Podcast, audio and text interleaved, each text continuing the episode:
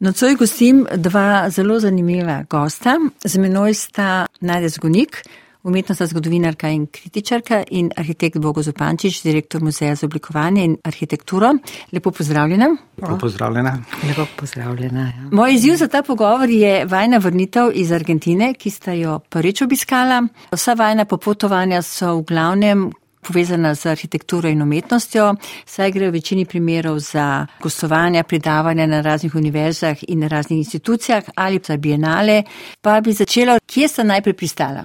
Nadja. V glavnem mestu Argentine, ne, v tej veličastni, šarmantni prestolnici Buenos Aires, ki je res v tem frenetičnem ritmu, intenzivnem, z tudi veličastnostjo arhitekture, je ne tak mali, bi rekla, New York, južne ameriške pooble. Kam ste prispela, v kateri letni čas? Prispela sva v konec poletja, mislim, da. Bilo je precej vroče, ne, bistveno drugače kot je tle, sploh pa je vrnitev mal žalostna v to hladno atmosfero. Gre za drugo največjo državo, berem Južne Amerike in osmo največjo državo na svetu. Torej, vsega se ni dalo videti, kje in kako so začela, nekaj sta gotovo že naprej načrtovala.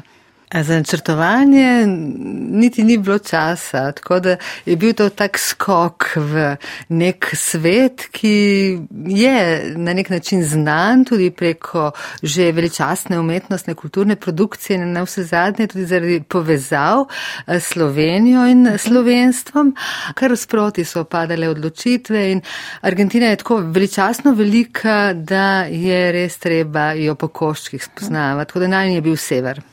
Zdaj, ko ste se vrnila, Bogo, kaj bi ti se največji izziv, kako zdaj o tem razmišljaš? Spomini so zelo močni, predvsem vam v glavi modrino, sonce, toplino, raznoliko pokrajino, bogate kulturne ustanove, muzeje, ki so jih obiskala, narava, drevesa. To me je absolutno navdušilo. Torej, so bila neka pričakovanja, pa realnost je bilo posem drugega ali je bilo nekaj mešanega? Ja, Argentina je taka, da te preseneti. Je ena od tistih krajev na svetu, uh -huh. da je povsem, vse povsem drugače, kot ne bom rekla pričakuješ, ampak kot si nekako ne, tudi spotovanj navajen, tako da gre za nov drugačen svet. In no, ko ravno že smo slišali nekaj o naravi, res so fascinantna ta veličastna drevesa in mesta, ne polna v bistvu teh parkov, zelenih zelenih potez, alej z eksotičnimi drevesi. To rast je neautohtono, mm. tako da vsa ta drevesa so prinesli od drugot in lahko si predstavljate veličasten projekt gradnje mesta okoli 1900, 150 tisoč dreves je zasajenih na mestu, kjer je danes Buenos Aires. Kaj je v bistvu veličastnega v tem mestu, kot je Buenos Aires, kateremu pravijo, da je mesto vseh mest? Tako kot je Nadja povdarila, da so rastline, drevesa nekako prišla od drugot v to argentinsko prestolnico, tako lahko rečemo tudi za arhitekturo. Po eni strani je čutiti newyorško mrežo stavbe, ki spominjajo na stavbe v Parizu in vse to se odraža v tem vrvežu, to je večmiljonsko mesto, gre za urbane stavbne bloke. To ni Slovenija, ki je tako razpršena in imamo tako majhne hišice, ampak to so ogromne stavbe velikosti Cankarjevega doma doma, historični slogi od začetka 19. stoletja do danes, določene stvari se rušijo, hkrati pa se veliko gradi in vse je to povezano z eno tako dobro infrastrukturo, tudi s kolesi se da. Moram pa reči, ker sem bil v vojski v Beogradu, da me je to življenje mal spominjalo uh -huh. na uh, naš Beograd. Buenos Aires slovi tudi po teh velikih trgih. Trgi so zelo zaznamovani za zgodovino v Buenos Airesu. Ja, tako kot simbolna ne, prizorišča, res dogodkov in tudi ulice označene z pomembnimi datumi zgodovine. Tako da je ta priklic, identitetni priklic politične državne zgodovine tako zelo intenziven, po drugi strani pa dejansko je to pač država, ki ji manjka malo te kohezivnosti zaradi te raznolikosti ne, priseljeniškega prebivalstva.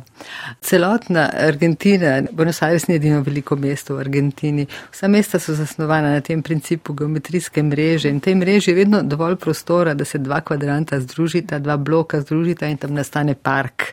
Tako da v bistvu je kot neka šahovnica, ne vsako mesto, belo-črno polje, torej urbani blok, parkovni blok. Mogoče bi jaz dodal to, da je Argentina dosegla neodvisnost v času, ko smo tukaj pri nas imeli francoze, ilirske province. Skratka, Napoleon je haral po Španiji in Španci so bili eh, v Argentini, oni so to izkoristili in je njihov San Martin, general, eh, dosegel, da so se osamosvojili.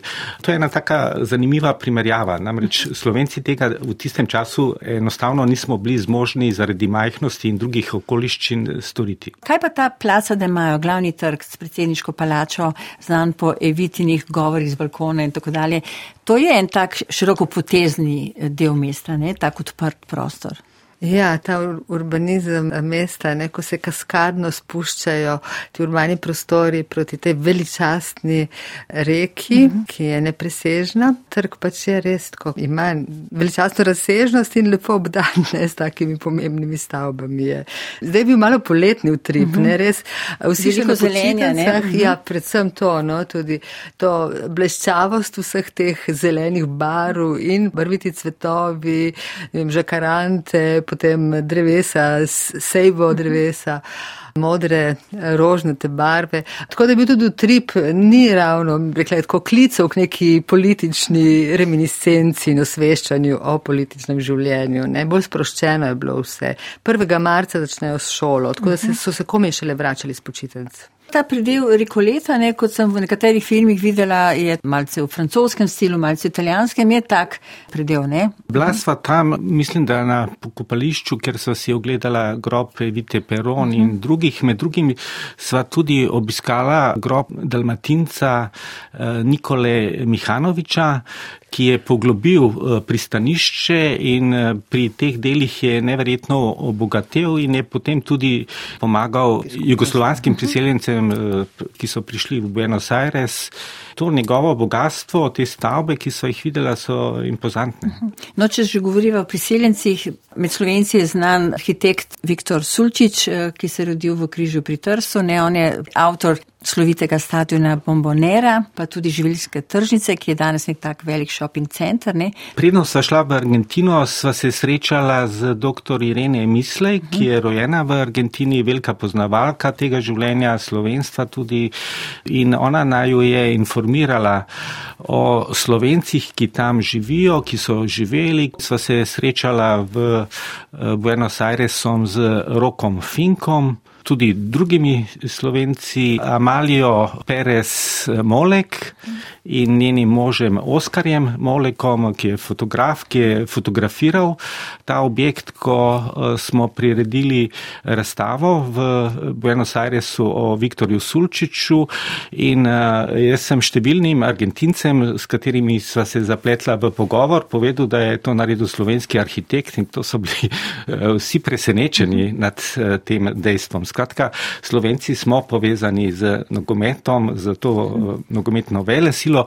Zdi se mi, da je vsak drugi, tretji argentinec oblečen v dres eh, Mesija. Te dresi so tudi zelo prisotni. Vi ste bili tudi gost ene radijske postaje ne? in tam ste veliko pripovedovali o Slovencih. To je bil pa Mirko Vasle, novinar, ki me je poprašal o dogodkih v Sloveniji, pa tudi o potovanju po Argentini. Zanimal ga je predvsem Edvard Ravnikar, arhitekt. Ravnikarjevo leto je letos, pa tudi plečnik. Sam sem pa izpostavil eh, slovenskega gradbenika Frana Tavčarja. Eh, tudi letos smo v Tavčarjevem letu. Fran Tavčar je namreč bil sin ljubljanskega župana Ivana Tavčarja in on je živel v kraju Beriloče in je umrl potem v Buenos Airesu. Med drugim je bil pa tudi pri Le Corbusierju in to je moja velika tema, ki me zelo zanima. Tako da sem na radiju povedal to zgodbo in upam, ker imamo zelo malo podatkov o tem slovenskem gradbeniku, da se bo verjetno kdo pojavil, ki mi bo podal kakšne informacije, ki je povedal, kar mi bo pomagalo pri mojem raziskovanju radijska postaja, ki nagovarja slovence. Ne? Eh, nedvomno, ja. ki se ji reče Radio Svobodna Slovenija, ki jo daje vsako soboto eno uro slovenskega radijskega programa, tako da sjajno, tudi kulturne vsebine, ne, izrazito poudarjene. Nada zgoni, kaj pa ta galerijski svet, ne, v vsako mesto imate neke standardne, klasične, velike eh, galerije, ki so predvsem prostori za turiste in tako, ampak v Argentini je tudi močna sodobna umetnost in umetniki kaj se tam dogaja s sodobno umetnostjo. Bil je poletni čas, tako da se ravno galerijska scena še ni razvila. Je pa res, da imajo par sjajnih muzejev, to je nacionalni muzej likovnih eh, umetnosti, tudi muzej sodobne umetnosti. Kulturna dejavnost je skoncentrirana v kulturnih eh, centrih, ki so res tako kot četrtno razporejeni. Tako da preomenjena razstava slovenskega arhitekta Sulčiča je bila v centru, kulturnem centru Rekoleta. Zdaj je zelo pomemben in tudi veličasten kulturni center Kiršner, ki je največji, en največjih kulturnih centrov na svetu sploh po velikosti, s sjajnimi modernimi intervencijami v staro poslopje, pošte in razvoj umetnosti na argentinskih tleh je seveda zelo zanimiv prav po tem vzorcu teh močnih vplivov evropskih kot ena podaljšana rokica Evrope, ki sega preko oceana. Hkrati pa no, so predvsem te racionalne, geometrijske, konstruktivistične tendence pripeljale do ene zelo zanimive šole v argentinski umetnosti, ki se je dosti avtonomno razvijala in je postala tudi kot nek segment svetovne umetnosti. Imela sva pa tudi priložnost, da sva se srečala z sinom, torej umetnika, ki je ustanovil in vodil Centr za kibernetično umetnost Jorge Glusberg, torej ni arhitekt, arhitekt, ampak se ukvarja s tem, da prireja arhitekturni bienale. Njegov oče pa je imel tesne stike z Zoranom Kržišnikom. Slovenija, Jugoslavija je sodelovala ne, tem prostorom kar intenzivno. To videti, ne, to eh, argentinsko optično vizualno umetnost v živo, slike Tomasa Maldonada. Ta argentinec je bil na Hochschule für Gestaltung v Ulmu zelo pomembna osebnost, je vodil eh, to šolo tudi slovenski arhitekti, recimo Niko Kralj, ne, je bil pri Maldonadu, se je mal informiral, tudi Ravnikareva šola je bila povezana z Hochschule für Gestaltung. To je bilo za me eno pravo odkritje, da sem si kar kupil v španščini knjigo o Tomasu Maldonadu, da, tako da se bom se še malo učil špansko, ob tem pa tudi strokovno. Rada bi še nekaj dodala. Zdi se mi zelo zanimivo to res vprašanje, kako se ta neke vrste kulturna identiteta zdaj v prostorih, kjer dejansko ne imamo opraviti že s tretjo generacijo, tako Severna kot Južna Amerika, v Južni seveda in v Argentini je slovencev največ, kako se premešča iz jezikovne na identiteto, ki jo vzdržuješ prek običajev, prek nekih tradicij domačih. Prav za slovenski narod je značilno, da je svojo identiteto oblikoval na jeziku, ne na političnih odločitvah. Ne. Zanimivo je, kako se bo ta razvoj odvijal, ta identiteta, na kaj se bo naslonila in kako oblikovala v bodoče. Buenos Aires pa ni bilo edino mesto, oziroma edini kraj, ki sta si ga eh, ogledala. Kam sta šla potem? Pač proti severu na te veličastne slapove Iguasu, ki so neizmerno razsežni in za katere je Eleonora Roosevelt rekla, da so proti njim njegarski slapovi kot otroški vrtec in dejansko je to veličastje ne, te naravne lepote tako supljivo, da se zaveš svoje človeške, res v popolnosti svoje človeške majhnosti in hkrati tudi no, to, kako se v naravi dogaja torej neke vrste sublimacija, no, tisto pršenje vode, ko se neprestano, ne, tako pač voda spreminja v plin, tako da, kot da bi v, v teh najbolj bazičnih procesih ne, se nekako kar znašel, utopil in jasno te prevzame vse skupaj. Tako da to pa že kar eh, na severu, na Tromeji, držav Paragvaja, Brazilije, Argentine. In med drugim sva vzela tudi en izlet s kombijem in sicer v smeri proti Puente del Inca. To, to je bilo zelo hecno. Namreč v koči, kjer smo se ustavili z minibusom, so vrteli na skrinu, na zaslonu prizore Bleda in Bohinja. V tako lepi pokrajini in sva bila vsa presenečena, sva rekla, tu notri pa je verjetno lasnik slovenc ne? in se je izkazalo, da ni, ne? da je argentinc in eh, tako sva bila vsa eh, osupla in hkrati tudi navdušena nad Slovenijo. Podobe so tako lepe, da očitno še v Andih fascinirajo. Ne? Potem pa je sledila Mendoza, tam uh, sva bila v slovenskem domu. Sprejela naj jo je Helena Hiršeger in uh, nama razkazala Mendozo. Mendoza je tudi. Življenje te skup, slovenske skupnosti. Mendozi so na Facebooku in redno oglašujejo vse, kar se dogaja. Slovencev ni bilo, ker so bili vsi na počitnicah in sva bila sama v domu. Ne? Tako da žal tega druženja ni bilo. Jaz sem bil pripravljen imeti kakšno predavanje znanje o plečniku, slovenski arhitekturi, žal je to odpadlo.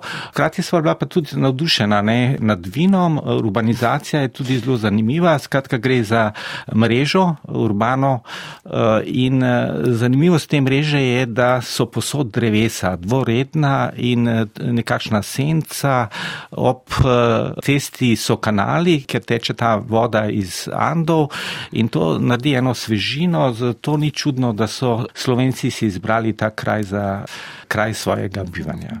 Mendoza je v resnici oaza. Nastala je v popolni puščavi na pesku in samo ti vodotoki, ki dovajo vodo z Andov, ne, so potem z nekim sistematičnim sistemom navodnjavanja eh, omogočili pogoje pač za jasno urbanizacijo in agrarno, uh -huh. seveda tudi neko, neke vrste revolucijo, ki se je dogajala tam potem ob koncu 19. stoletja. Tako da prav ta občutek, no, kako se vse rojeva iz neke heroične dimenzije človeškega, ne, ta ambicioznost človeška in v bistvu tudi uspeh, no, tako če ti narava prijazno pomaga, ne, je res navdušujoča. Zdaj pa strah je v bistvu tega dogajanja, da že od leta 2017 prva veriga Andov, ta predveriga je brez snega.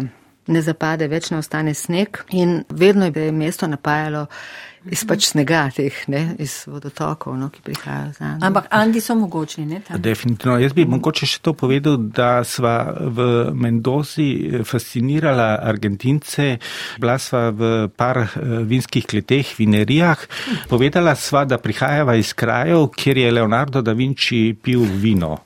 Teran. In uh, so bili vsi navdušeni nad uh, tem. Uh, in so verjeli. In so verjeli. v Južni Ameriki je veliko slovencev, pravijo največ v Argentini. Kako sta vida občutila ali celo doživela te slovence? Pravijo, da mnogi potomci slovencev iščejo korenine in se vračajo v Slovenijo, potem pa vidijo, da tle je življenje popolnoma drugačno, da ne rečem kakšno, in se vrnejo raje v Argentino nazaj. Je to res? No, v Argentini zaradi inflacije je precej, precej težavna, tako da to tudi povzroča zdaj izseljevanje mladih in naj bi celo zdaj že slovenci, te tretje generacije, pri kateri slovenščina ni več jezik komunikacije, počasi izginja slovenščina, normalno, normalen proces. Če ni več jezik komunikacije v družinskem okolju, ker pari so mešani postali ne? in se baje emigrirajo v Španijo zaradi tega, ker so pač ne, špansko govoreči. Navajajo razloge, zakaj?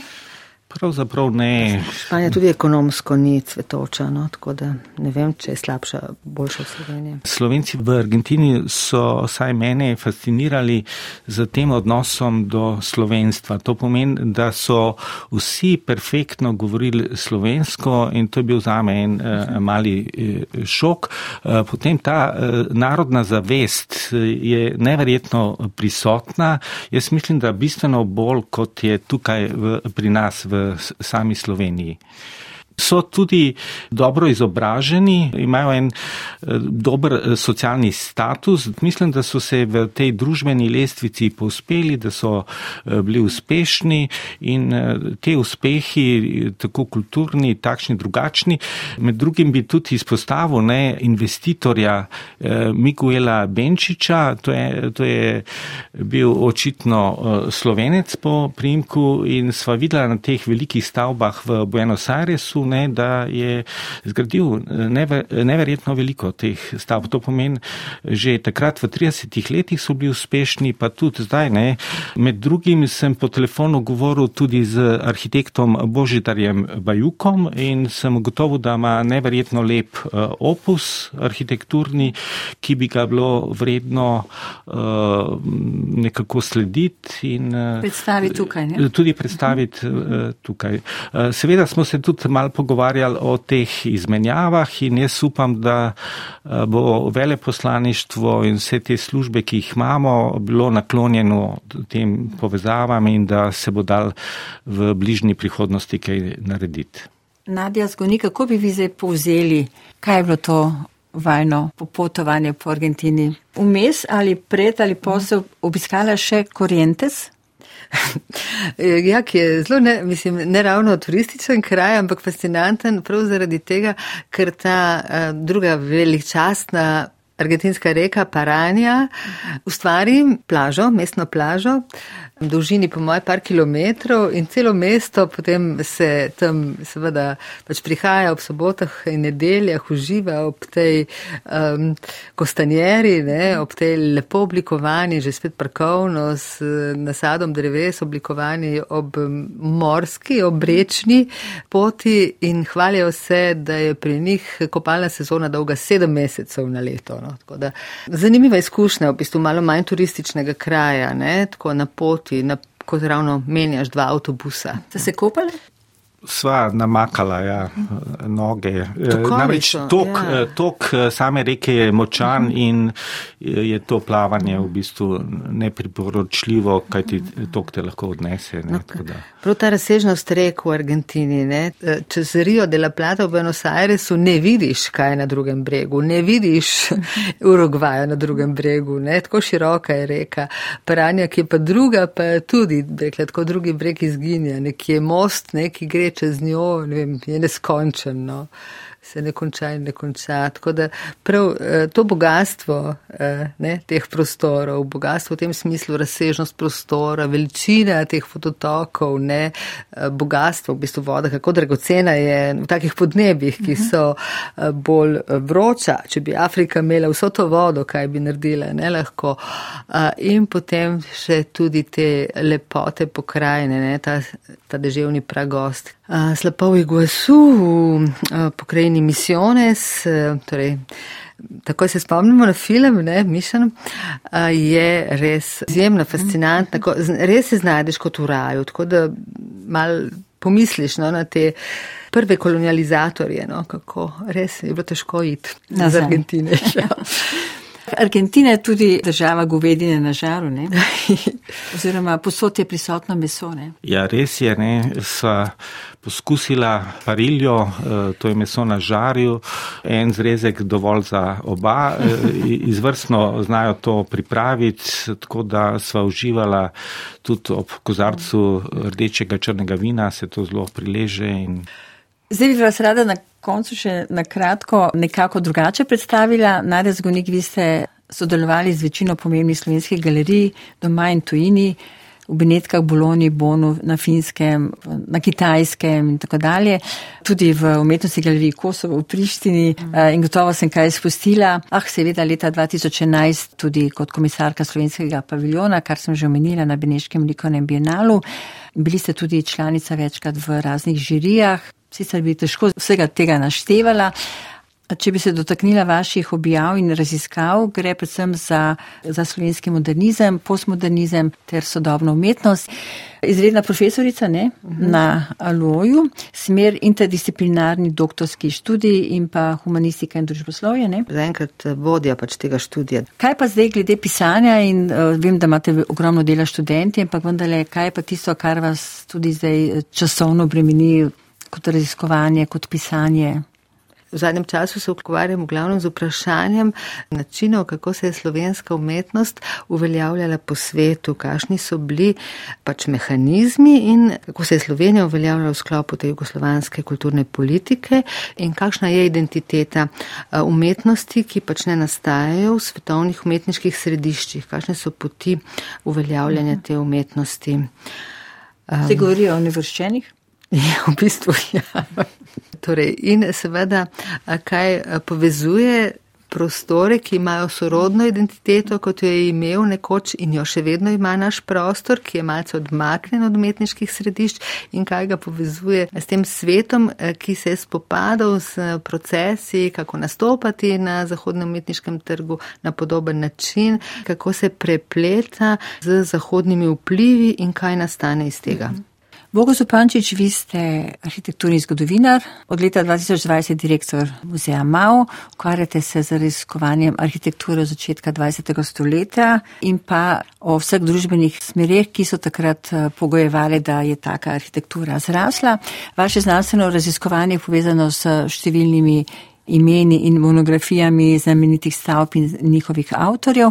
Trenutno se pa ukvarjam s pisanjem besedila za razstavo Univerzum eh, Plečnik, ki bo eh, v kratkem išla. Drugače pripravljam tudi knjižno izdajo vsode ljubljanskih stavb in ljudi v elektronski obliki. Eh, letošnje leto je tudi ravnikarjevo, tako da se v muzeju intenzivno pripravljamo na te dogodke, ki ne bojo samo v Ljubljani. Ljubljani, ampak tudi v Novi Gorici, Kranju in drugot.